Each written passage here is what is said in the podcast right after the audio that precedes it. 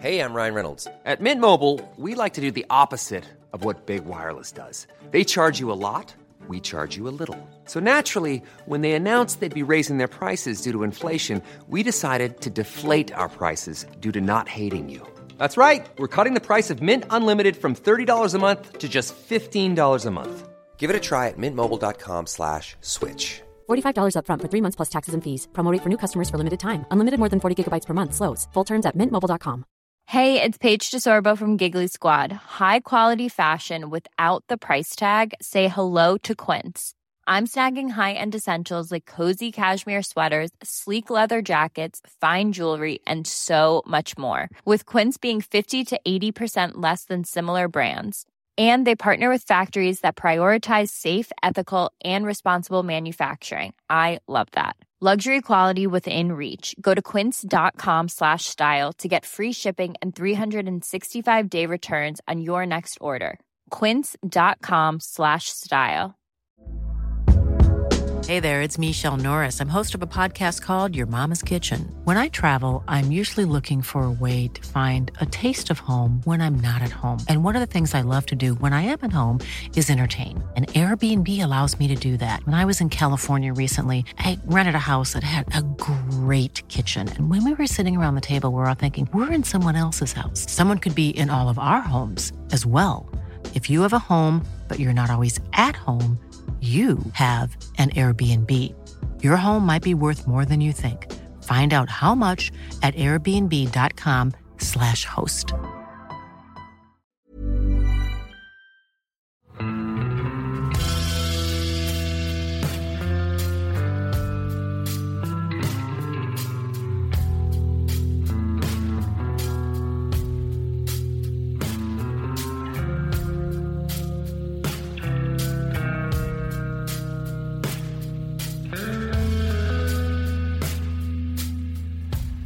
Hei, og velkommen til podkasten Uteliv.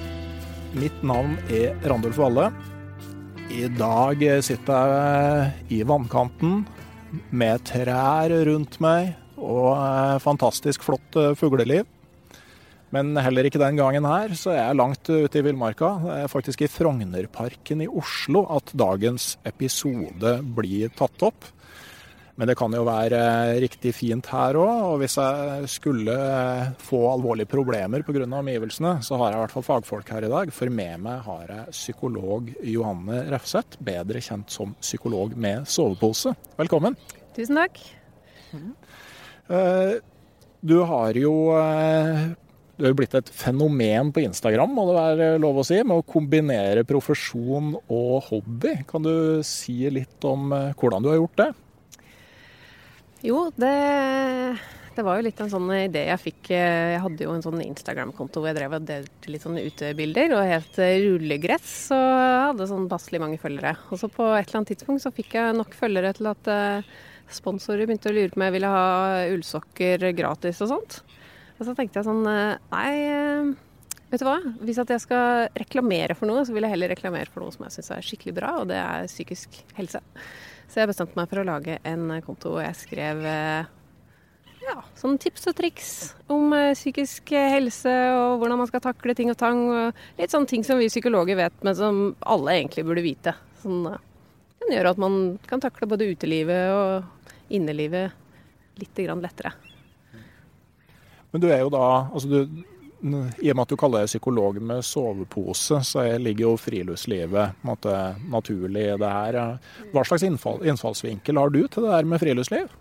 Jeg er veldig sånn nærturracer, altså. Jeg har jo noen litt lengre turer i løpet av året, men stort sett så er det mye Oslomarka og de her nære fjellområdene rundt Oslo. Jeg skal liksom kunne la seg kombinere med et helt vanlig liv, da. Fulltidsjobb og kjæreste og unge og ja, bikkje og litt forskjellig sånn. Friluftsliv og bikkje må jo være enkelt å kombinere. Ja, jeg også tenkte sånn bikkje, det er ganske lett å få med seg. Det er verre med sånn ikke friluftsinteressert kjæreste. Det, der må du liksom bruke litt mer fantasi, da. Det kan jeg for så vidt se for meg, men det kan jo gå seg til over tid. Men er det noen favoritturområder, da? Altså, jeg elsker alle de her tu, altså sånn um, eventyrskogene rundt omkring eh, Oslo, eller i nærområdet her. Eh, det er en del sånn eh, gammel urskog som eh, man kan dra ut og utforske. Det er ikke alt som er like lett å komme seg gjennom. Jeg har sittet fast i krattskog inni der mange ganger. Og da var det ikke noe fint. Men de gangene man finner de her urørte delene av Oslomarka eller Rillemarka og sånt, så, så er det virkelig verdt det, altså. Jeg la jo merke til at da du dro på tur til Finnmark, så var det til Øvre Anárjohka nasjonalpark. Sånn at du er glad i skogen, forstår jeg? Jeg elsker skogen. Jeg gjør det. Jeg starta med å sånn virkelig like høyfjellet. Og jeg syntes det var så fascinerende at man kunne liksom bo i telt på toppen av fjellet og liksom ta sånn superfancy solnedgangbilder og sånt. Men, men etter hvert så har jeg nok blitt mer og mer glad i skogen, altså. Det er litt myrete, myggete områdene. Jeg liker det veldig godt. Du syns myggen i Anárjohka var grei òg? Ja, den, eh, altså jeg syns jo det var helt grusomt mye mygg i Anárjohka, men venninna mi som er fra Finnmark, mente jo at det var jo nesten ikke mygg. De var jo så svære at det kanskje mer småfugl, i min, min, optikk, da. Men eh, nå er jeg fra Hedmark, da, så OK. Men i dag så skal vi snakke om eh, hvordan man kan være en fantastisk turkompis. Det tar jo litt sånn utgangspunkt i en eh, en eh, serie bloggtekster som du har lagd.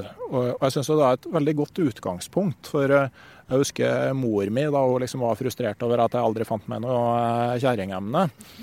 Så snakka hun om liksom viktigheten av liksom, at det var viktigere å prøve å være den rette enn å finne den rette. Og jeg tenker Det er jo litt sånn det samme med turkompis. da, I stedet for å fokusere på å finne den ultimate turkompisen, så er det kanskje lurt å begynne med å være en god turkompis sjøl. Ja, det tror jeg du har veldig rett i. Mora di høres ut som en veldig klok dame.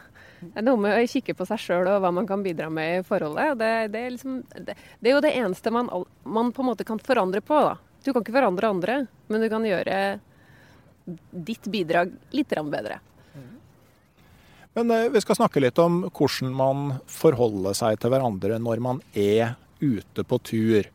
Eh, men jeg tenker òg at før man drar på tur sammen, så er det kanskje viktig å prate litt sammen. F.eks. om hva slags forventninger man har til turen. Bruker du å ha noen sånne samtaler før du legger vei? Eh, ja, de som jeg ikke kjenner så godt. Eller hvis, hvis det er noe nytt, så har jeg sånne samtaler. F.eks. når vi skulle til Anárjohka nå, så var jeg jo 23 uker på vei, veldig gravid. Og jeg kan si at da hadde jeg mye vondt i kroppen og var godt eh, over mer, ja, litt mer gretten enn eh, normalt. Og eh, ja, litt sånne ting. Så da hadde jeg jo Maria som venninna mi som vi var på tur med. Vi hadde en del snakker om hvordan vi skulle løse dette her, da. For at, for at vi skulle forstå hverandre og at det ikke skulle bli for mye konflikt, da. Ja, for jeg tenker jo at jo, jo, mindre grad du kjenner folk på forhånd, og jo lengre turen du skal ut på er, jo viktigere er det jo å på samsnakke om en del faktorer på forhånd. Jeg dro en måned til Canada sammen med en kar som var 15-20 eh, år eldre enn meg, som jeg aldri hadde vært på tur med før. Og vi hadde en sånn halvårsprosess med å, å finne ut litt eh, av hverandre. og og hva det hva vi ville ha ut av turen. Bl.a. det med, med, felles risikotoleranse tror jeg er en ganske sånn nøkkelfaktor.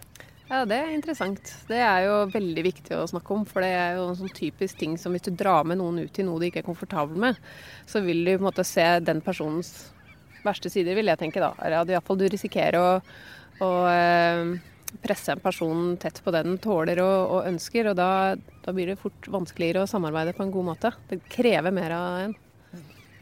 Sånn med fordeling av arbeidsoppgaver og sånn, bruker, bruker, du og dine turkompiser å liksom avklare mye sånt på forhånd, eller går man bare på og ser litt åssen det spiller seg ut? Ja, det er litt forskjellig der, men uh, del, den gjengen som er litt sånn satt, da, vi har jo Det er en sånn uuttalt uh, arbeidsfordeling uh, der.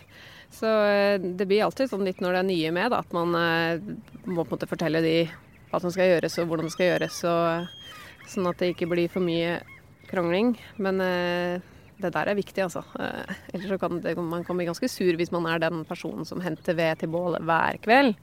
Eller den personen som alltid måker leir eh, når man er på vintertur. Så da er spesielt sånn på, Når man er to stykker på vintertur, så Bengt Rotmo jeg fant en veldig sånn grei Eller han hadde vel egentlig hatt den før jeg begynte å bli med på tur med han, men Bare at når man, fra man går inn i teltet om kvelden til man går ut igjen neste morgen, så er det én person som gjør alt. Ja. Og så bytter man neste dag. Ja, det hørte du, ja. Men eh, forskning viser jo at ja, altså, All forskningen som vi snakker om her, er jo laget på ekteskap, ikke sant. Så det er det som er Men jeg tror man kan generaliseres hit. Men det viser seg at hvis man har eh, ikke sant, eh, tydelige forventninger, altså ekteskap der man veit Du støvsuger, jeg tar oppvasken. Der er det mindre konflikt enn der hvor man gjør det litt sånn ad hoc, da. Så. Men så blir det jo litt sånn forskjellig altså F.eks. For hvis det er veldig stor forskjell på erfaringsnivået til personer som er på tur, så kan det jo altså, Da blir det jo en annen situasjon igjen. Det blir jo det, og jeg tror hemmeligheten der er å, å, prate om det enten på forhånd eller når du er på turen. Kanskje smartest på forhånd, men eh, erfaringsmessig for meg så er det jo ikke alltid man husker det, eller innser at det er en forskjell på erfaringsnivå før man er på tur. Men det er noe med å snakke om det, hva man gjør med det, og hvordan det påvirker en. og ja, eh, for fort blir jo fort gjort at den som kan mest, gjør mest også. At det ikke ender opp sånn, da. Så er det jo, altså, Noe av det som kanskje er vanskeligst her i verden, er jo å lære bort ting uten å bli belærende. Ja. Jeg, jeg, du må ikke se på meg, jeg er elendig til å lære bort uh, sånne friluftslivting. Og samtidig også, så er det jo der, jo lenger man har drevet på, jo mer blir man på en måte opphengt i sine egne måter å gjøre ting på. Altså Det der med å ha respekt for at andre også har erfaringer og har en helt annen måte å angripe ting på, det tenker jeg kanskje er noe, det tar jo omtrent et liv å lære seg. Ja, det er jo noe med å være klar over at det kan skje. Da. At man blir eh, veldig opphengt i at dette her er riktig måten å gjøre det på. Det gjelder egentlig på alle, alle håper jeg, alle livets sider. Da, at man eh, tenker at den, det, her er, det som jeg tenker er det riktige. Så jeg tror egentlig hemmeligheten er litt å være obs på det, og så vite at det ikke nødvendigvis stemmer. Men sånn ute på tur, eh, i den bloggserien din, så har du jo skrevet om kommunikasjon. Eh, kan du si litt om sånn, hva er det som er viktig når man kommuniserer? Ja, Det første man kan starte med der, er hvordan man på en måte lage et godt grunnlag, da. Eller hva kan man bidra med sjøl for å få et sånn godt en, en, god start, eller et godt grunnlag i forholdet sitt. Uh, og én ting der som kan jo virke litt sånn selvfølgelig, da. Uh, men det er at man, uh, man hele tiden responderer på det den andre sier. F.eks. hvis turkompisen din går og sånn men, ah, 'Sjekk der, ja, fin elv.' At du bare svarer på sånne småting. Høres ut som en sånn liten ting, men det er veldig viktig. Den kan faktisk predikere skilsmisse i forhold, hvis at eh, folk ikke svarer på sånne små ytringer. Da. Det er sånne bitte små kommunikasjonsting man, hvor man viser at man er liksom Ja, man verdsetter den andre og, og syns det er interessant det den andre snakker om eller kommer med, eller hva som helst. da. Så det er én hemmelighet, at du på en måte passer på at man ikke liksom eh, surner litt, og så bare begynner å ignorere den andre. For det er faktisk eh, det er eh, ja, veien er en veldig dårlig Eller da er man på vei en veldig dårlig retning. En annen ting er at uh, man må komme med mye positivt til den andre. Uh, og det her er litt sånn på vei over i hvordan kan du ta en konflikt. Jo, du kan ta en konflikt hvis forholdet tåler det. Og hvordan kan du gjøre sånn at forholdet tåler det? Jo, du kan bygge, ha så mye positivt i, i eh, ryggsekken til forholdet til turkompisen din at det faktisk tåler litt negativt også. Det er faktisk en sånn magisk ratio der, da. Av hvor mye positivt som skal inn før du kan si noe negativt. At det, skal være seks ganger så mange positive ytringer som negative. Så vil si at hvis jeg skal si uh, Randulf, eh, kan du ta oppvasken litt oftere, så skal jeg på en måte ha uttrykt, eller på uttrykt at jeg setter pris på deg seks forskjellige ganger før, da. For den som tenker litt, da, så er det faktisk sånn at det er seks ja, det, det, er ganske mye positivt du skal komme med. Så det som er hemmeligheten, er å egentlig bare huske å si det hvis du tenker noe positivt om turkompisen din. Det her med positiv forsterking i seg sjøl er jo et veldig effektivt eh, virkemiddel. Altså, det er vel òg forskning som viser at vi responderer mye bedre på positiv forsterking enn på korreksjon av negativ eh, atferd? Ja, ja, ja, ja. Mye, mye, mye bedre. Så det er jo også en sånn eh, Istedenfor å si ikke gjør det der, så si oi, så flott at du tok oppvasken. Åh, digg ass, nå var jeg skikkelig sliten. Setter pris på det. Ja, jeg merka det egentlig litt sånn uh, by accident da jeg bodde i Hammerfest. For i Hammerfest så snør det og blåser det. Og eh, i den gata vi bodde, så endte all snøen på gårdsplassen vår. Og da er det ikke sånn koselig snømåking som du har på, er vant til fra Hedmark, hvor snøen ramler rett ned og ligger sånn florlett og kan skyves bort i en koselig operasjon. Da står du med stålspa og bryter løs store kladder. Og så kom eh, brøyte, brøytemannskapene fra kommunen og skulle brøyte veien utafor oss. Og eh, etter at den var ferdig, men så tok han en ekstra tur og kjørte liksom så tett innpå gårdsplassen vår som mulig. Og tok med litt sånn, og sparte meg sikkert for tre timers arbeid. Så jeg sendte en mail til kommunen og sa tusen takk for eh, den gode brøytinga. Og så fikk jeg svar med kopi til både ordfører og rådmannen, for det var første gang de hadde fått positiv tilbakemelding på brøytinga. Og vi hadde så kolossalt bra brøyting i feltet resten av den vinteren. Ja, men det, akkurat det der altså jeg tror Hvis folk visste liksom hvor mye, hvor mye eh, makt da, på en måte man har ved å kunne gi noen positive tilbakemeldinger, sånn som det der, da. Hvor mye godt man kan få tilbake, så hadde vi brukt det mye mer enn vi gjør. Folk glemmer det, vet du. Men, men, men, samtidig, da. Altså en del av de turkompisene mine som er liksom oppvokst i etterkrigstidas Finnmark og sånne ting. Hvis jeg driver og liksom påtaler liksom, ja, du, du, er så flink til å sette på sluk på fiskestanga, du, det er så fint at du kan å fyre opp bål og sånn. Altså, I beste fall så får jeg kjeft, og i verste fall så blir det liksom fysisk tilbakemelding på det. Altså, hvordan, hvordan, kan man eh, oppnå det her? Altså, det er ikke alle som responderer likt på sånt heller. Nei, det, altså, det, er en veldig viktig ting med fysisk Nei, herregud. Med fysisk avstraffelse. Nei, med positiv forsterkning, da, er at det må være positivt for din finnmarkske turkompis. ikke sant? Og, og, og de vil ikke synes at vi sier 'Å, så flink du er som å fikse bålet', 'Å, takk'. Da vil han bare bli sur. ikke sant? Så det er, ikke, det er negativt, forsterker, det for han. Altså, det vil si at det er mindre sannsynlig at han gidder å tenne bål for deg neste gang. Så må, Jeg vet ikke hva som kan være positivt, men det var positivt for han. da, Om det er liksom at du klapper til han i huet eller gir han en, en, en uh, slurk whisky, jeg vet ikke. Men det må være positivt for turkompisen din. Så det her er mange som misforstår. da, De tror at det skal være sånn psykologspråk. Da, at man skal si sånn Nei, nå føler jeg inni meg at jeg ble veldig glad fordi du gjorde ditt og datt. Så nei, det er ikke det. Det er liksom positivt for den personen du snakker med. Ja, altså det, det, krever jo av og til sin mann. Altså det er veldig, eh, da jeg leste den posten her, så har jeg prøvd å bli enda mer bevisst på positive tilbakemeldinger til ungene. Men eh, en sånn én-til-seks-forhold, det, det, er ganske tungt å, å komme opp på. Ja, det, det er mye. Men det, blir, man tar som en vane. Eh, en turvenninna mi, Bodil. En gang så lagde jeg kaffe til henne i i teltet. Så hun var litt eh, dårlig, og så kom jeg bort med sånn morgenkaffe. da. Og hun bare 'Å, Johanne, tusen takk, og så bra'. Lagde en egen post på Instagram. Og sånn, og etter det så har jeg jo laget så mye kaffe til henne. Det er jo bøttevis med kaffe. Så sånn for dagens turfolk så er det ultimate positive forsterkninga å lage en post på Instagram om det etterpå? for meg, for meg. Det er det som betyr noe. Nei da. Hvor mange likes må man ha for at det skal være en reell positiv tilbakemelding? Ja, det være mange, gitt.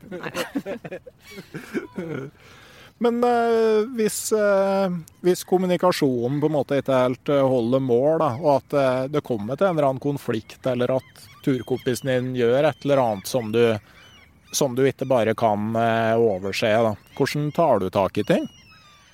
Um, det som er viktig da, er jo å uh, ta det opp på en grei måte. Jeg vil alltid sånn alltid råde en til å sånt, tenke godt igjennom hva er det jeg reagerer på nå. Altså man uh, tar Kjenner etter hva det er som er problemet, og tenker litt igjennom hvordan man skal si det. Eh, det første som er lurt når du skal si, komme med en sånn tilbakemelding til folk, er at du snakker om deg sjøl. Eh, du vil bare si at eh, For meg så virker det som om du aldri tar oppvasken, Randulf. Det kan hende jeg tar feil, men, men liksom Jeg, jeg syns det virker litt sånn, og det gjør at jeg føler meg At jeg, jeg blir litt lei. Istedenfor å si 'du tar aldri oppvasken'. Det er så pisseirriterende. Uh, fordi det, som skjer da, når det kommer en påstand om folk, er at folk ofte henger seg opp i om den påstanden er riktig eller feil. Uh, og det er ikke alltid at det er riktig. Det er jo ofte din egen opplevelse av det. Du kanskje var veldig sliten de tre siste dagene, akkurat da tok du oppvasken men egentlig sånn faktuelt så er det ikke helt riktig at det er sånn. Så for å slippe å ende i en sånn diskusjon, og slippe å starte med at uh, turkompisen din går i forsvarsposisjon, så bare snakk om deg sjøl. Jeg tror det er sånn. Jeg syns det virker sånn her. Uh, jeg føler sånn her. Uh, bare husk å holde fokus tilbake på deg. Ok. Altså det, altså du skal snakke om hvordan du føler deg, og ikke, liksom, ikke påstå at du har det entydige svaret på hvordan situasjonen er. Altså. Akkurat, akkurat. Mm. Fordi eh, chances are den andre personen oppfatter ikke likt som deg. Jeg tenker òg at, eh, at, det er litt viktig å, det med å tenke gjennom situasjonen du er i når du føler for å ta opp noe. Mm. Jeg vet ikke om du har lest de der bøkene til Jan Guillaud om korsfareren Arn Magnusson? Ja, men det er sikkert 15 år siden. Ja, jeg husker bare en sånn episode der eh, Arn kommer hjem fra Det hellige land og skal begynne å bygge en diger borg, og broren hans er ganske sur fordi at uh, han skal bruke så mye stein fra steinbruddet til det her, men tenke at nå sitter jeg på en hest og er altfor varm og har ikke spist. Og, så, så, nå tror jeg kanskje jeg venter til vi kommer i skyggen og får oss noe å drikke, før jeg tar opp det her. Det er veldig, veldig klokt. Og det, jeg tror det er en sånn ting som kanskje skjer oftere på tur ikke sant, enn ellers i livet. Eller nei, jeg vet ikke helt med det, men iallfall det skjer ofte på tur. Ikke sant? Du kommer, du er kald, du er våt, du er sulten. Og så tenker du sånn Fader, så irriterende er at, eh, at Maria bare alltid skal hjelpe meg til det her eh, bålbrenninga eller noe sånt. Ikke ta det da. Ta det når du er mett, ikke sant. Ta det når du er eh, varm, eh, tørr. Eh, bare uansett hva det er, eh, vent litt. Rann. Og det tror jeg er en sånn generelt smart ting, da, fordi noen ganger når vi hisser opp ting, så, eh, så, er det litt lurt å bare vente litt. Rann. Med mindre du kjenner turkompisen din ekstremt bra, da. Men så kan det jo hende at det er kompisen din som kommer med kritikk til deg, da, og det er jo enda vanskeligere enn å gi kritikk, ikke sant? Ja, ja det er det.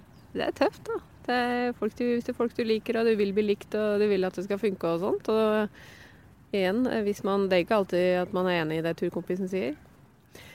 Så det viktigste der er egentlig eh, å prøve Altså, for å si sånn, det vi ofte gjør, er at vi ikke sant, hører litt, så tenker man nei, det her stemmer ikke.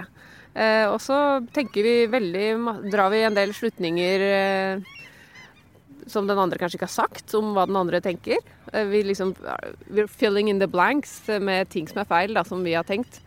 Og så tenker vi veldig masse på hva vi skal si tilbake, da. Eh, sånn her, eh, hvis kjæresten min begynner å si sånn Johanne, du lager aldri middag, bla, bla, så tenker jeg jeg lager fader meg middag, og da på mandag lagde jeg middag, og, ikke sant? og så sitter jeg og tenker på det istedenfor å høre på hva han sier, da. Så er hemmeligheten der er å eh, ikke begynn å tenke på hva du skal si. Ikke, det skal, du ikke der i det hele tatt. Det, det, du skal gjøre når folk kommer med kritikk, er å prøve å forstå dem. Sett deg ned, hør etter hva de sier. Prøv å gjenta det i huet ditt også, selv om du blir kjempesint over å høre på det eller kjempelei deg. Bare gjenta det. Og gjerne sånn spør forstår jeg deg riktig hvis det er sånn her. Er det, er det dette her du mener? Er det Særlig hvis det er litt mer sånn kompliserte ting, da. Hvis det er liksom antall ganger å ta oppvasken, så er det kanskje ikke sånn. Men men prøv å virkelig forstå hva det er den andre eh, vil si til deg, da. Eh, og hva det gjør med den andre. Særlig hvis, den andre, hvis du tar oppvasken én av sju dager i uka, så, eh, så kan den andre føle at den ikke blir satt pris på, eller at du tar den for gitt, eller sånne ting. Prøv, prøv å spørre. Tenk sånn, Dette er et mysterium. Nå skal jeg finne ut av hva turnkompisen min føler og tenker rundt dette her. Ok, Men sånn når du har tenkt igjennom det, altså hva gjør man videre da? Nei, det, altså, Hvis du f.eks. da skal komme med en unnskyldning, da, og skal La oss si at du har da tatt oppvasken én av seks ganger i uka, og den andre personen er godt lei av deg. Dere er eh, i Alaska, og det er kaldt og surt. Og eh, den har egentlig følt seg ja, lite satt pris på, lite verdsatt. Og du, da er det en god idé å komme med en unnskyldning. Og da er det ikke noe sånn der Gerdli Valla-unnskyldning sånn 'jeg beklager at du føler deg lite verdsatt', for det, det, er irriterende for meg. Nei. Ordentlig unnskyldning krever at du har hørt etter hva den andre sier. Så det, det må du allerede vite. Du må vite hva den føler. Første punkt én det er å, å, å si eh, unnskyld for. Eh, unnskylder for, og så det kompisen din har tatt opp med deg, da. Unnskyld for eh, at jeg ikke har tatt eh, oppvasken så ofte. Så det vil si, du må si unnskyld, og du må si hva det er eh, du sier unnskyld for. Vær konkret. Og det tredje er eh, du må eh, si noe Jeg tror at det fikk deg til å føle deg sånn og sånn, f.eks. Jeg tror det fikk deg til å føle at jeg ikke satte pris på deg, eller at jeg var lat, eller eh, ville at du skulle gjøre mer enn meg, f.eks. Hvis det er det som er saken. Og nummer fire kom med et alternativ. Jeg, neste gang vil jeg prøve å ta oppvasken litt oftere, så du ikke føler deg sånn her. Da har du nesten den unnskyldningen der. Kommer du til å slippe så mye diskusjoner med, og den andre kommer til å føle seg sett og hørt, for, forhåpentligvis. Og det vil løse, løse konflikten. Ja, for ofte så det trenger jo ikke, Når vi bruker oppvasken som eksempel, liksom, så trenger det jo ikke nødvendigvis å bety at man ikke vil ta oppvasken seks av sju dager i uka, men man vil bli sett og bli verdsatt fordi man gjør det? Det er akkurat det. Og det er litt, eh, ikke sant? Noen de liker å ta oppvasken. Det er litt det som det handler om at folk Når du kommer i en konflikt og folk kommer med kritikk til en, så tror man ofte at det handler om den oppvasken. Greit, da så tar jeg den tre ganger, men det handler ofte ikke om det. Det handler om å bli sett og satt pris på som person, da. Eh, og det tror jeg faktisk sånne gamle finnmarkinger, eh, kompiser, også egentlig har bruk for. Men de kommer nok ikke til å bruke de samme ordene, da. Nei, det, det, det kan nok være at det, der òg så må man jo finne den riktige måten å si ting på. Ja.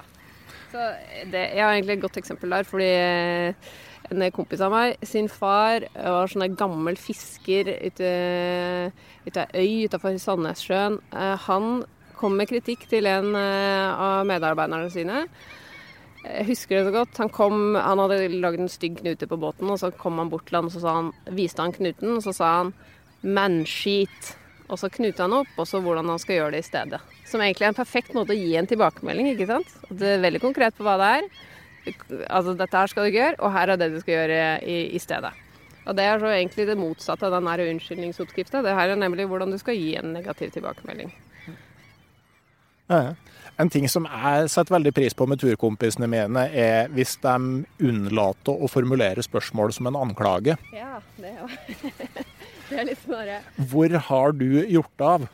Ja. Så kan man, kan man, jo heller spørre eh, vet du hvor XXX er hen? Ja, det er, det er veldig godt poeng. Det er litt sånn Det er faktisk Åh, Å, nå husker jeg ikke det, eh, selvfølgelig, men eh, det er noe som er eh, liksom veldig, veldig negativt av forhold, da. Eh, og det, en ting er litt sånn, sånn sarkasme, sånn negativitet og sånne, sånne, sånne skjult kritikk, sånne ting. Så mye, mye Hvis man kan holde seg unna det der, så får man gjort mye for forholdet, for det der er veldig nedbrytende. Det kan man legge seg på minnet. Men, men, samtidig, det er jo snakk mye om og, liksom, hvordan man skal oppføre seg mot hverandre på tur og sånne ting. Men så er spørsmålet er egentlig den der tursettinga så veldig vanskelig? Det er jo litt sånn betegnende når vi skal eksemplifisere ting her nå, så snakker vi om oppvasken eh, hjemme. Altså, er ikke den tursettinga må, må, må, hva sa Jo, man må ta oppvask på tur òg, men det, det, det er jo ganske fort gjort. Åh, jeg kan bli sur hvis jeg er den eneste som tar oppvask på tur. Altså. Ja. Men, ja. men, eh, men, jeg tenker at den tursettinga altså Jeg har jo bl.a. vært ganske mye på tur med Hilde, som jeg er gift med. Eh, såpass heldig at uh, var ikke bare kjæresten min, men den beste turkompisen. Og, og sånn, vi gikk bl.a. New Zealand på langs sammen i et halvår. Og mange mente at det her er jo den ultimate testen for forholdet. Mm. Ingen av oss kom hjem med den følelsen. Altså det, det, var jo mye enklere å gå New Zealand på langs sammen enn sånn som nå, når vi har to unger og hver vår jobb. Ja, det er jo det. Det er jo det. det jeg tror du var rett i det. Um, sånn Særlig den her kabalen med små barn og jobb og stress. Altså det, du er jo veldig ofte pressa på en helt annen måte. Ja, altså oppleve at uh, altså på tur, uh, når man er sammen, så har man jo ett prosjekt. Og det er felles. Og min tid er din tid, og din tid er min tid. Og alt vi gjør er for det felles prosjektet. Men når man har barn og jobb og sånne ting, så dreier det seg jo veldig mye om å fordele oppgaver og hvem som skal få lov å gjøre sine ting. Og at man lever måte, mer hvert sitt liv, da. Ja. Det er et veldig godt eh, eksempel på, på en måte, forskjellige settinger som er vanskelig. Det er, jo, eh, det er jo riktig som du sier. Det er jo heller ikke så mange ting man skal gjøre når man går New Zealand på langst. Nei, du skal jo primært gå. Eh, og det, det, det var én ting vi var veldig bevisst på der, var jo det her med å ikke klage til hverandre over ting vi ikke fikk gjort noe med. Eh, For det, når du går langt, så handler det jo litt om å komme inn i en sånn der sinnsstemning, altså inn i ei boble. Og blant annet en gang på en etappe så gikk vi tom for mat. Eh, Det eneste gangen jeg har opplevd. Så vi skulle gå de siste jeg tror det var sju mil eller noe sånt, på 50 gram eh, frokostblanding. Og da, da var det sånn helt dønn fastlagt at altså det vi opplever nå er rent psyk psykisk. Det er ikke noe farlig å gå eh, ett og et halvt døgn uten mat, men det er ganske ubehagelig. Men, eh, men det, det går jo liksom i bølger, den sulten og blodsukker, og, og da er det helt ulovlig å påpeke at man var sulten i tilfelle den andre var inne i en god periode akkurat da. Ja, men der har dere jo altså, Du kan jo si at i andre situasjoner med andre tur, turfolk, så kan jo det ha vært mye mer krevende enn for dere to. Jeg tror jo grunnen til at, at det funker der, er jo også fordi dere har en veldig fin kommunikasjon og sånn. ikke sant? Dere enes om noe og, og har en varme i, bunn, høres det ut som. Eh, jeg tenker at det der å ikke ha mat siste etappen sin, hvis man har eh, en litt eh, ruskete turkompisforhold, da, så, så tror jeg det kan bli ganske vanskelig, altså. Men, eh, men det her er jo et flott eksempel på ikke sant, at dere har snakka om ting, enige om ting, har litt sånn two minds, one project, og klarer å gå på den, da. Veldig bra. Og så er det jo for så vidt viktig at man ikke tar det der med å ikke klage for langt. For at det er jo òg sånn eh, Altså folk som tror de ikke skal si fra om at de er iskalde, det er jo tvert imot eh, skikkelig, skikkelig skummelt. Ja.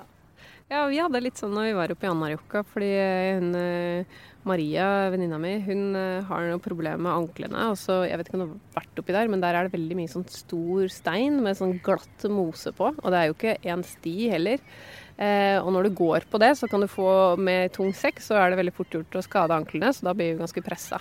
Så det var veldig viktig at hun fortalte noe til meg, sånn at jeg visste hvorfor hun banna så småjævlene bare hoppa rundt oss når vi gikk oppi der. Da, sånn at ikke jeg tenker at ok, nå er hun egentlig sur på meg, eller nå er det egentlig dårlig med turen, eller Det er mye lettere å være en rommelig person da, når man forteller litt om at man også har det dårlig. Altså, det er ikke alt som er klaging. Forskjell på klaging og fortelle om hvordan man har det. Det tror jeg er et eh, veldig godt poeng, og det er kanskje et greit sted å, eh, å slutte her. Men jeg tenkte å eh, fortelle altså Hvis man har lyst til å lese mer av det du driver med, så har du en eh, Du kan jo fortelle sjøl om hvor man kan finne mer av, av det du driver med på nett. Ja, eh, jeg har jo en Instagram-konto som heter Psykolog med sovepose.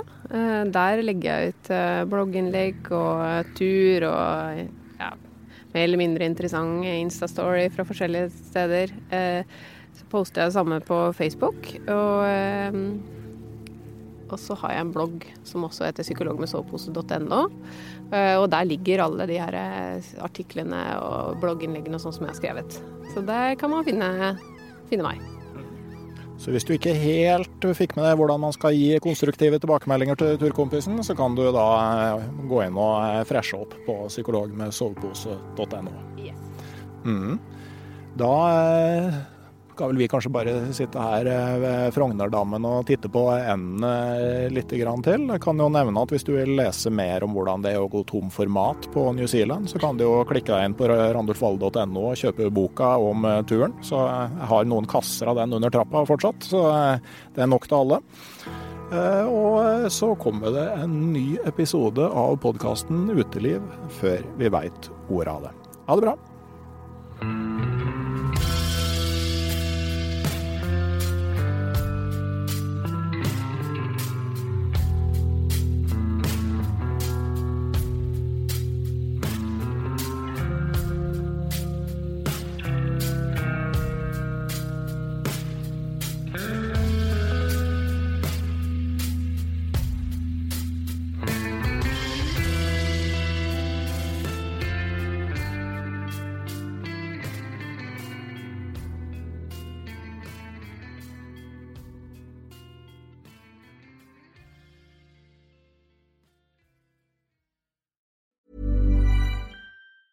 Hi, I'm Daniel, founder of Pretty Litter. Did you know cats tend to hide symptoms of sickness and pain? I learned this the hard way after losing my cat, Gingy. So I created Pretty Litter, a health monitoring litter that helps detect early signs of illness by changing colors, saving you money and potentially your cat's life. Pretty Litter is veterinarian developed, and it's the easiest way to keep tabs on your fur baby's health right at home. Go to prettylitter.com and use code ACAST for 20% off your first order and a free cat toy. Terms and conditions apply. See site for details. Planning for your next trip? Elevate your travel style with Quince. Quince has all the jet setting essentials you'll want for your next getaway, like European linen, premium luggage options, buttery soft Italian leather bags, and so much more. And is all priced at 50 to 80% less than similar brands. Plus, Quince only works with factories that use safe and ethical manufacturing practices. Pack your bags with high-quality essentials you'll be wearing for vacations to come with Quince. Go to quince.com slash pack for free shipping and 365-day returns. Mom deserves the best, and there's no better place to shop for Mother's Day than Whole Foods Market. They're your destination for unbeatable savings, from premium gifts to show-stopping flowers and irresistible desserts. Start by saving 33% with Prime on all body care and candles. Then get a 15-stem bunch of tulips for just $9.99 each with Prime. Round out Mom's menu with festive rosé, irresistible berry chantilly cake, and more special treats. Come celebrate Mother's Day at Whole Foods Market. Hei, jeg heter Nore Helligsen og er daglig leder i Barents Outdoor. Det beste vi kan gjøre for planeten, er å redusere forbruket vårt og få mer ut av det utstyret vi allerede har. Men vi vet av erfaring at bruken av telt kan endre seg over tid. Det teltet du kjøpte for to år siden, passer kanskje ikke det behovet du har i dag. Derfor har vi i Barents etablert en egen panteordning der vi tar imot brukte telt av god kvalitet i innbytte når du kjøper et nytt av oss. Prosessen er enkel. På barentsoutdoor.no gir det oss informasjon om teltet du vil bytte inn. Basert på det får du et tilbud fra oss som gir deg rabatt på ditt neste Barents-produkt. Mer info og betingelser finner du på barentsoutdoor.no. Og husk at den første reparasjonen på produkter fra Barents er alltid gratis.